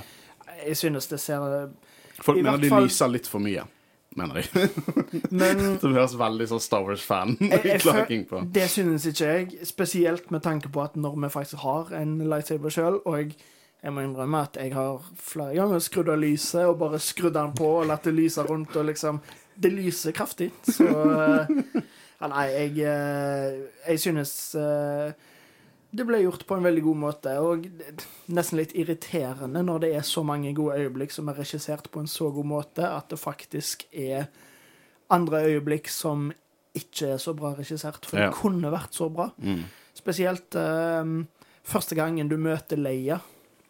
Måten de på en måte filmer når de liksom kler på seg og alt mulig sånn. Det er så koselig regissert. Og eh, jeg skulle gjerne sett litt mer sånne ting eh, som eh, har litt sånn merk, Altså, Deborah Chow viste hva hun kunne der, og jeg skulle ønske vi fikk enda mer sånne øyeblikk eh, på en god måte Ja, jeg, jeg, jeg, jeg føler hun har litt arrogant av meg å si kanskje litt utdatert forhold til action. Nå vet jeg at du ikke er så plaget av det, men jeg bare føler, av shaky cam og sånn, og rask kutting. Men jeg, bare, jeg, er, jeg, er så, jeg er veldig fan av, av rolige og liksom oversiktlige scener med action. Og jeg, jeg, jeg på en måte føler meg mer trukket inn der enn at kamera skal diktere hvordan jeg skal føle meg. Jeg, jeg skjønner at det er kaotisk når hundrevis av stormtroopers bare raser inn i en hule der et par folk prøver å beskytte seg sjøl. Den scenen sier det til meg. Jeg trenger ikke shaky cam for å, for å forstå at det er hektisk. Og sånt irriterer meg litt, for jeg føler det er veldig sånn Batman Begins. Akkurat den scenen er det eneste gangen jeg aksepterer shaky cam. Og det, eh, det blir litt mye, men jeg føler det er veldig passende der. Problemet er bare at hun gjør det hele tida òg. Mm. Ja, jeg merket hun også så igjen, det var en scene der bare Obi-Wan tenker, og så var det liksom som om noen fikk insulinsjokk som holdt kameraet. Jeg kan si insulinsjokk, for det har diabetes, men Så det, det er litt, litt sånn utdatert der, men igjen Jeg tror vi alle oss tre var egentlig veldig fornøyd med det vi fikk i denne serien. Absolutt. Eh, jeg hadde noe annet interessant eh, å si, eh, som jeg likte litt. Ja, nå har vi fått tre live action Star Wars-serier. Eh, og jeg, i hvert fall en The Mandalorian med to sesonger foreløpig. Vi har Book of Bobafett med én sesong og Obi-Wan med én sesong. Hvor vil dere rangere disse tre? Den, den, den så ikke jeg komme. Nei, så ikke den komme. Eh, men jeg, jeg står bak det jeg alltid har sagt, er at Mandalorian er det beste Disney har produsert. Mm, enig. Eh, så jeg legger den øverst, i hvert fall. Mm. Jeg tror jeg må ta Mandalorian øverst, jeg òg, og så Obi-Wan og Book of Bobafett. Og, men det er jo ingenting med at jeg ikke likte Book of Bobafett, men jeg bare føler Ja. Jeg synes Mandalorian har så utrolig høy kvalitet, Mm. både med regi, men òg uh, historien det forteller, og alt det gjør for canon, og alt mulig sånn. Um, Og så tror jeg du, de har litt det du, du savnet med Obi-Wan, tror jeg. Hvis, hvis du tillater meg å synse på dine vegne. Det der å, å utvide universet litt, og se nye ting som Ja. du på en måte ikke er vant til å se. Og gå, Definitivt, bevege seg litt utenfor Skywalker-sagaen. selv om de òg trekker mye med Skywalker-sagaen inn, så føler jeg òg det står veldig bra på sine egne bein. Mm. Jeg er enig. Det er grunnen til at vi har fått et helt nytt hav med fans som har kommet inn i Star Wars-universet pga. The Mandalorian. Det er ganske mange som har blitt Star Wars-fans pga. The Mandalorian. Akkurat så mange som blir Star Wars-fans av uh, Force Awakens. Og så er det veldig viktig at de er like mye fans som vi er. Uansett hvor lenge du har vært fan, uansett hva det er du er fan av. Det er viktig å på en måte ta godt imot alle, da. Eh, men jeg er enig. Eh, Mandalorian holder eh, tronen for Jedi-rådet, i hvert fall foreløpig. Faen, jeg så den der, like, den der håndholdte uh, De har filmet uh, traileren på Celebration. Fy faen, for en trailer det er. Holy shit, så episk. Ja, Det ser ut. ser kong ut. Ja, det Faen, jeg gleder meg så jævlig til februar. Å, nei, jeg har ikke sett det. Er han på YouTube? den er sånn Noen har filmet Men de må vel snart slippe den, tror jeg. Ja, jeg håper de gjør det. Jeg skjønner ikke hvorfor Jeg blir irritert når de ikke kan bare slippe alt. Eh, folk kommer ut til hvis folk har lyst til å se det, så kommer de til å se det uansett. Eh, men uh, ja, jeg gleder meg jævlig til uh, Mandalorian sesong tre. Jeg tror det er huh. Mandalorian, ass, det er gøy. Men lyttere, dere har sendt inn til oss uh, plenty i løpet av disse ukene vi har dekket Kenobi, og dere har sendt inn til oss nå også, så vi kan jo begynne med Christian. Uh, ja, skal vi se. Uh, hvilken av sidekarakterene skulle dere ønske fikk mer tid, plass? Definitivt uh, Tala. Og Nedby. Tala og Nedby. De to som en duo. Ja. Bare pga. dødsfallet der. eh, Det er jo så utrolig fin dødsscene, men det er ikke kontekst nok til at det treffer meg godt nok. Så jeg skulle gjerne hatt mer Tala og Nedby. Og jeg fikk nok inntrykk til å vite at jeg liker de karakterene. Men Roken er litt sånn eh. Jeg har ikke noe Jeg misliker ikke Roken. Han bare han var der og, og prøvde å få opp, og, opp dører. Det er det som er min tanke om Roken. Ja, etter å ha sett alt på ny, så likte jeg han bedre enn på en måte når jeg så han underveis, for jeg føler han fikk så lite å gjøre. Men uh, jeg er jo helt enig i at eh, Ja. Skulle gjerne sett mer av han for å få mer av karakteren, Mm. men uh, foreløpig er han liksom bare Som du sa, han er der, men uh, gjør ikke så mye. Eh, Haja. Jeg skulle gjerne hatt litt med Haja også. Samtidig som jeg fikk Haja hadde en fin liten ark også. Jeg syns han var en fin liten comic relief Ja. i serien. Men, eh, Veldig på at han kjenner uh, Hondo.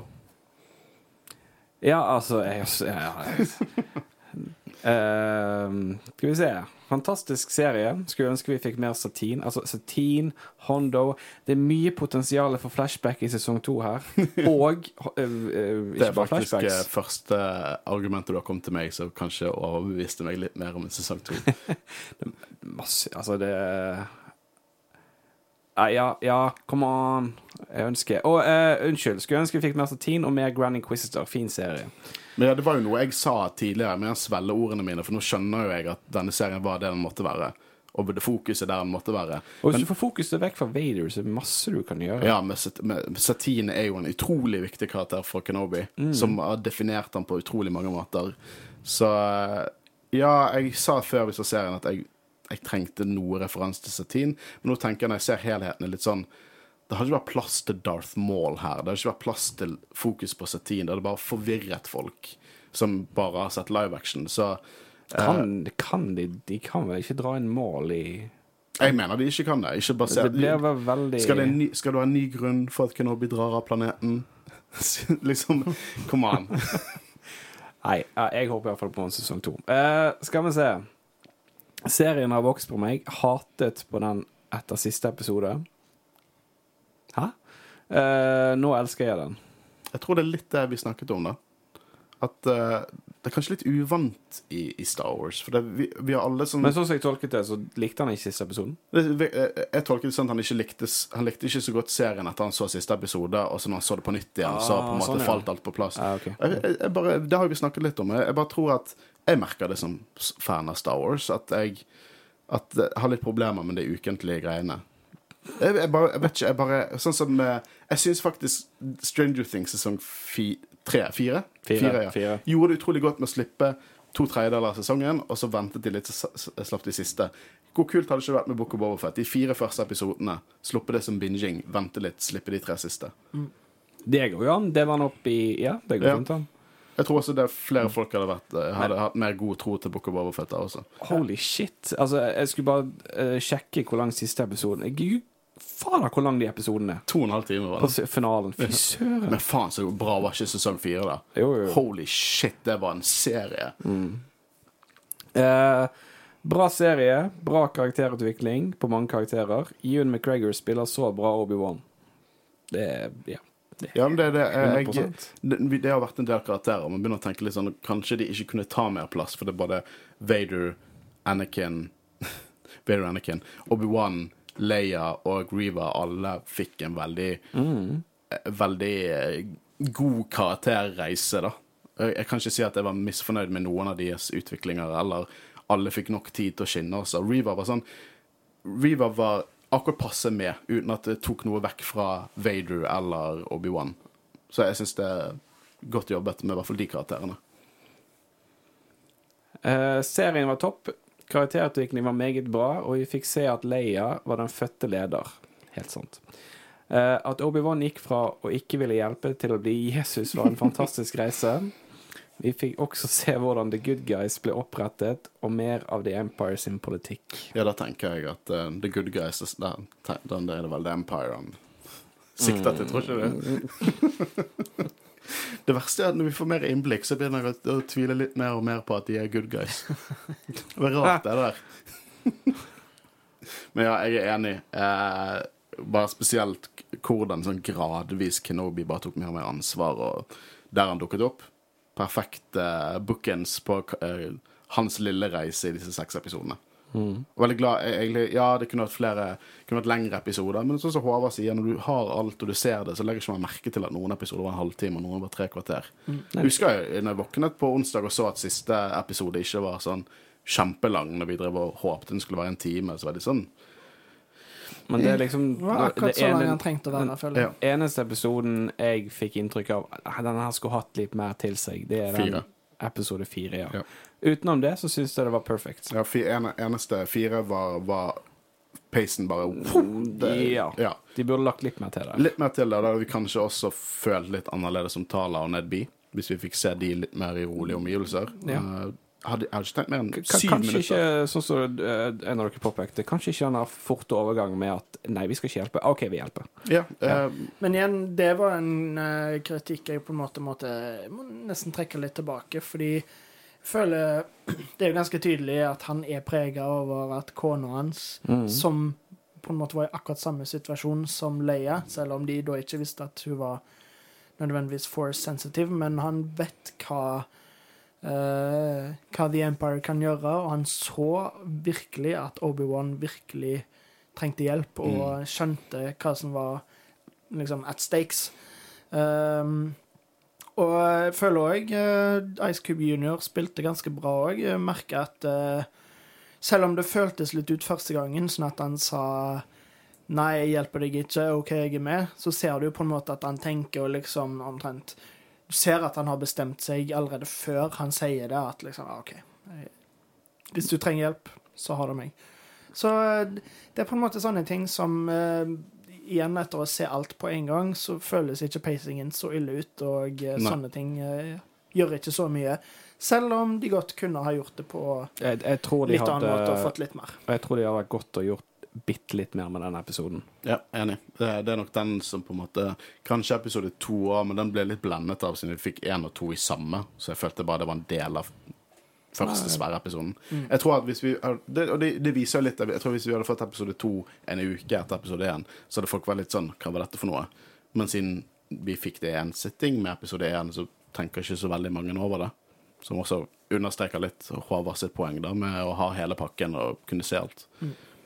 Men Håvard, du har jo noen lyttere, du òg. uh, ja. Uh, jeg synes at serien var utrolig sterk, og at den får unødvendig mye hat. Det var kanskje noen episoder som ikke var seks av seks, men måten de knyttet historien sammen, var virkelig bra. Det viser bare at serien var godt planlagt og gjennomtenkt, og derfor burde man ikke ha misnøye før man har sett hele serien ferdig. Og det jeg liker best med serien, er de fantastiske skuespillerne, og spesielt Ewan McGregor, som bare tok kaka for meg. Han understreker egentlig det vi har sagt der. Men Mm. også det fokuset, sant. Det skuespillet, karakterene. Ja, men man selvfølgelig skal, skrive, eh, skal eh, kunne kritisere sånn filming og eh, pacing og alt det der, men faen, å se Ewan McGregor spille Obi-Wan igjen, det er noe jeg ikke trodde vi kom til å få noen gang. Og det føltes planlagt ut. Det føltes ikke ut som sequel-trilogien. Det føltes ut som en planlagt seksepisoders miniserie. Noe som kanskje ikke Book of Boba helt klarte Det virker som om det var veldig planlagt, men Kenobi klarte det.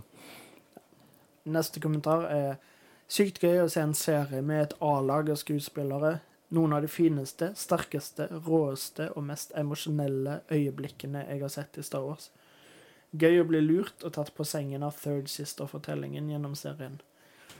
Nydelig også hvordan de driver perfekt fanservice med Hello There og tilsvarende litt, irrit eh, litt irriterende nitpick eh, til slutt. Hvordan klarer verdens største filmimperium med tidenes største ressurser og kvalitet i alle ledd å få løpescenen i starten til å virke på nivå med actionsekvenser fra daytime krimserier. Krimserier, ikke krim. Eh, da antar jeg at det er den den uh, jakten på Leia, og ah, Jeg bryr meg ikke så mye. det, det, er liksom- ikke så ille som folk det, skal ha det, ikke, det er ikke det. Jeg, jeg, jeg, jeg sitter ikke igjen Det er ikke det jeg sitter igjen med. Jeg tror ikke denne lytteren det er det han sitter Eller hun sitter igjen med. Det, jeg er jo helt enig med dette er kanskje noen av de mest emosjonelle Star Wars-sekvensene vi har fått, i hvert fall for min del. Men ja, den løpescenen er ikke bra.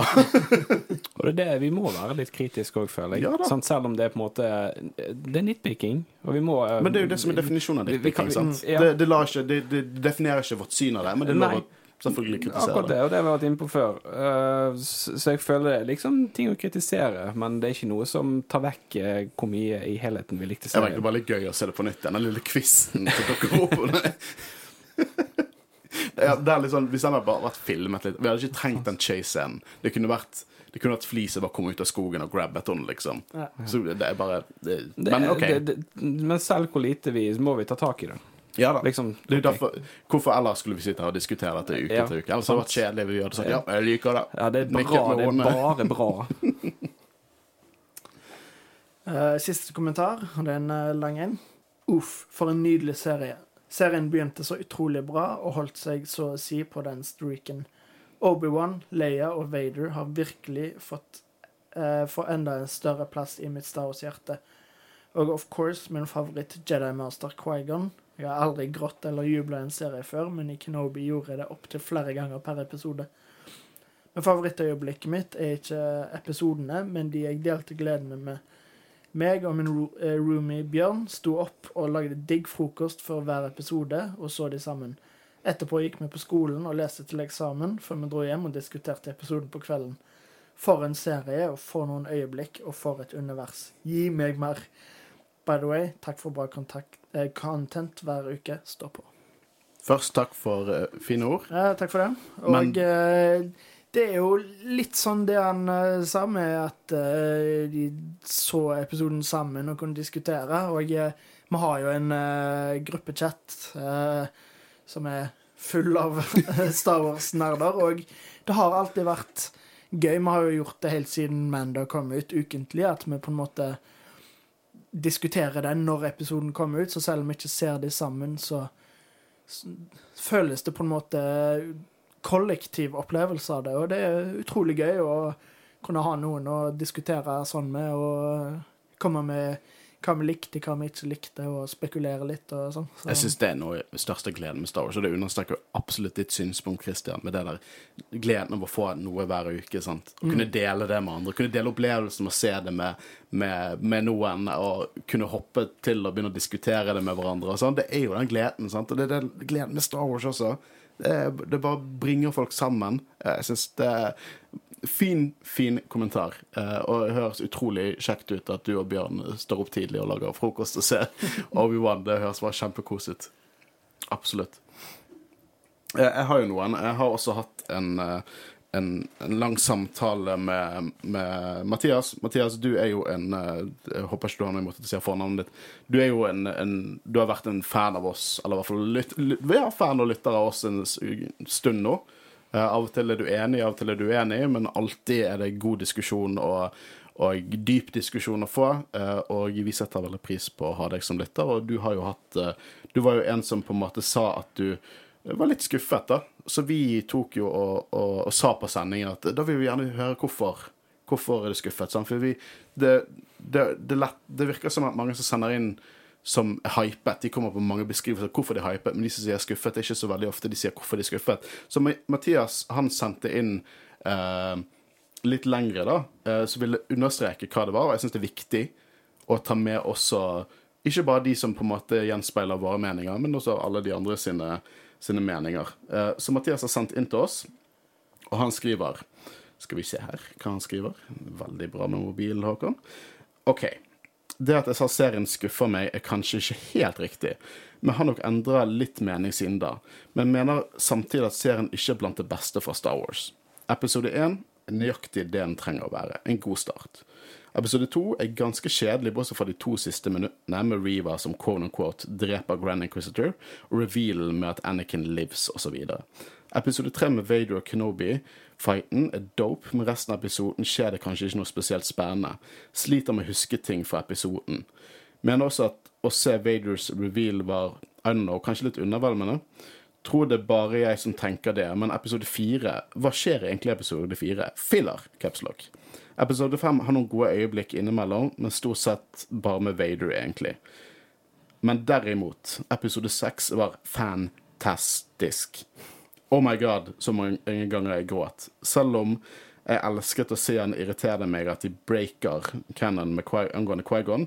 Han snakker med Obi-Wan gjennom The Force for eh, første gang samme år som eh, denne serien. Og han lærte seg ikke å vise seg foran før samme dag som han møter Luke i A New Hope. CGI-en og, eh, og shaky-kameraet irriterer meg gjennom hele serien. Jeg synes ikke at CGI-en er bra i det hele tatt. Serien har bare tre gode karakterer, Vader, Obi-Wan og Leia, soleklart best. Resten er irrelevant. Jeg synes Jeg synes Reva er skrevet som en veldig god karakter, men hun er jævlig irriterende. Det plager meg også litt at Obi-Wan nesten ikke er på Tatooine i løpet av serien, og det faktum at han må redde Leia gjentatte ganger. Hans hovedoppgave er tross alt Luke. Jeg skjønner at de, ikke lik, eh, at de er like viktige, eh, det der, men kjøper det ikke. Hele serien er i helhet helt OK, men noen sjuke øyeblikk i ny og ne. Jeg ser fram til å legge Kenobi-kapitlet bak meg og se fram eh, mot noe nytt med Endor. Eh, og eh, jeg setter pris på at du sender inn dette. Og eh, det er jo ikke alt vi er enige i. Vi skal ikke gå inn og si hva vi er enige om, hva vi ikke er enige om. Bare, jeg setter pris på at du, kan, du og er mange andre våre lyttere også også kan gå inn og ha en diskusjon, ikke være enig med oss, men fortsatt på en måte ville ha den dialogen, da. Eh, og selv om vi ikke er enige, så kan vi på en måte respektere hverandre. Og jeg, det, Nå høres det ut som jeg snakker strengt. Nei, jeg snakker på en måte strengt til fandomen der ute, ikke til våre lyttere. For våre lyttere, som sagt, eh, Mathias her representerer de veldig godt. Eh, og det er godt at du kan finne ting du ikke liker, og finne ting du liker, og fortsatt på en måte akseptere det, da. Du kan sette deg opp i bokhyllen og så se fram til noe nytt som i Endor, og det, det setter jeg veldig pris på. Angående breaking av canon. Eh, for det, det var også, også den det er fint å ta opp, for det at nå har jo det på en måte Wikipedia skriver det også, men jeg er som sagt eh, ofte av og til uenig med Wikipedia. Blant annet de Wikipedia mener at Dark Saber er mer magnetisk enn andre sabers. Nei, det er ikke det Rebels Rebel sier. Rebel snakker om at lightsabers fungerer magnetisk mot hverandre, men de som har skrevet inn det med Dark Saber, har tatt det bokstavelig, selvfølgelig. Så det er den vi ser når de snakker om det. Derfor tror jeg det er bare den. Nei, jeg er veldig uenig i den. Men eh, nå er den canon connection om når Quaigon dukket opp. Og eh, det har vært fram til nå, fra, fra boken A Certain Point of View, og det har jo vi snakket om tidligere, at det var da første gang Quaigon viste seg til Obi-Wan. Og det, det er satt i A New Hope. Det er liksom etter at Luca på en måte løpte onkel og tanten sin som har vært i fare. Da, ifølge Cannon, har han første gang dukket opp. Og nå dukker han opp ti år før det. Og så bryter det Cannon. Det er det som er spørsmålet og dilemmaet. Deal er det at certain point of view er problematisk. Har alltid vært problematisk. Det er ikke første gang noe fra certain point of view har blitt bare røsket vekk. For certain point of view er en bok med masse short stories som er skrevet av mange forskjellige eh, høyprofilerte forfattere og kjendiser. Eh, Adam Savage skulle jo egentlig spille. Eh, det skriver noe der. Og det er veldig lite overvåket. Og det er for å eh, få inn penger til veldedighet. Det er det som er hele dealen med Certain Point of View. Men Certain Point of View har alltid blitt overskrevet. Det har skjedd tusen ganger før. Det er akkurat som de der um, uh, Visual Dictionary til bøkene. De er canon så lenge de noe ikke overskriver de. For det er løs canon, og det er det som er certain point of view. Og Disney har til og med gått ut, og litt, jeg syns det er litt sånn det, er litt sånn uh, vag unnskyldning. De sier sånn nei, nei, men det er certain point of view, det er ikke nødvendigvis sannheten, det som skjer der. Men det er helt klart bare det er canon som på en måte er canon så lenge ikke viktigere materiale kommer ut og dikterer noe annet. Uh, så det er ikke første Så jeg ville ikke, ville ikke sett på certain point of view som hard, hard canon. Det er canon så lenge ting er Det, det er sånn Legends canon, der du har det ulike nivåer av kontinuitet. Så eh, det at de bryter noe derifra, det overrasker ikke meg. Jeg har lest flere av de historiene som jeg bare ikke anerkjenner som canon. Anerkjenner ikke at Tarkin ser seg sjøl i speilet og øver på å si you may fire been ready. Det, det, det har ikke skjedd, og jeg nekter at det har skjedd. Så det er liksom Det er gøye fortellinger som er beskrevet av mange Star Wars-fans for veldedighet, og sto, uh, Lucas Arts har ikke fått storygroupen til å på en måte være like strenge med de. Det er på en måte hele konseptet med certain point of view. Men det har blitt diktert Jeg mener, Skywalker er Family at War, som ironisk nok jeg mener også en referansebok. Den dikterte at første gang Qui-Gon tok kontakt, i hvert fall, var ca. rundt denne serien. Så det er liksom du, du, du kan også argumentere at det, liksom Mathias skriver her at det var første gang han tok kontakt, men første gang han kunne snakke, han viste seg var A New Hope. Men nå har en viktigere del av, av hvem han kom til over, eh, og overskrevet det. Så jeg, jeg, jeg er ikke så fra meg over at noe fra a certain point of view som allerede er, har vist seg sjøl til å være shady i, i kontinuitet, har blitt overskrevet. Og så kan man argumentere at den Skywalker Family at War allerede overskrev det tidligere. Det som irriterer meg mest, og det mener overskriving Kennan, er når tegneserier kommer ut og dikterer noe, eller når bøker dikterer noe, som en historie dikterer noe, og så kommer det en annen historie som sier noe annet. Det er sånn som vi ser, så i The Bad Batch. Det irriterer meg. Sånn som vi så i, i, i slutten av Clone Wars, der bare Asoka sin lightsaber og andre farger og liksom, Det er ikke så viktig, men hvorfor? Hvorfor var det viktigere? Hvorfor endret du fargene? Hvorfor, hvorfor gjorde du det? Det er sånne ting jeg føler overskriver canon. Referansebøker og short stories som det verket Certain Point of View, som allerede har bevist seg til å være egentlig ganske shady i deres plass i canon, det jeg, jeg, jeg vil ikke anerkjent det som overkjøring av canon. Det har på en måte blitt gjort tusen ganger før. Så jeg er mer glad for at vi fikk Quaigon her. Og jeg, og jeg synes at spørsmålet om overkjører det canon, så synes jeg svaret er mer sånn ja, men nei. det, det er mitt svar på det. Uh, vi fått en annen kommentar også. Igjen, tusen takk, Mathias, for at du, uh, du forklarte ditt syn på serien. Uh, likte, eh, kjempebra at du fant noe du likte der. Eh, man kan jo ikke like absolutt alt, men det er som sagt et jævlig svært univers, og man finner alltid noe å like. Vi har fått en siste jeg skal ta opp. Mine tanker om Obi-Wan. Det er ikke meningen å være negativ, men sett under, eh, men sett under. Det er ikke meningen å være negativ, men sett under et likte jeg serien. Det første jeg la merke til, eller skal vi si ikke la merke til, var musikken. Den ga ingen impact, og kanskje burde de gjort noe nye versjoner av gamle themes. I starten fikk jeg heller ikke med meg at dette skulle være en serie med bare seks episoder. Synes at det, var det første møtet med Obi-Wan og Vader kom altfor tidlig. Kanskje det eh, skulle vært et møte Kanskje det skulle vært et møte mellom dem. Uh, jeg tror jeg mener den første kampen var for tidlig. Kanskje bare skulle vært et møte mellom dem. Kanskje kunne spilt mer på deres separate liv i den perioden. Håper Vader får en egen serie. Den siste fighten var kul mellom disse, men igjen så kunne det vært enda bedre med rett musikk.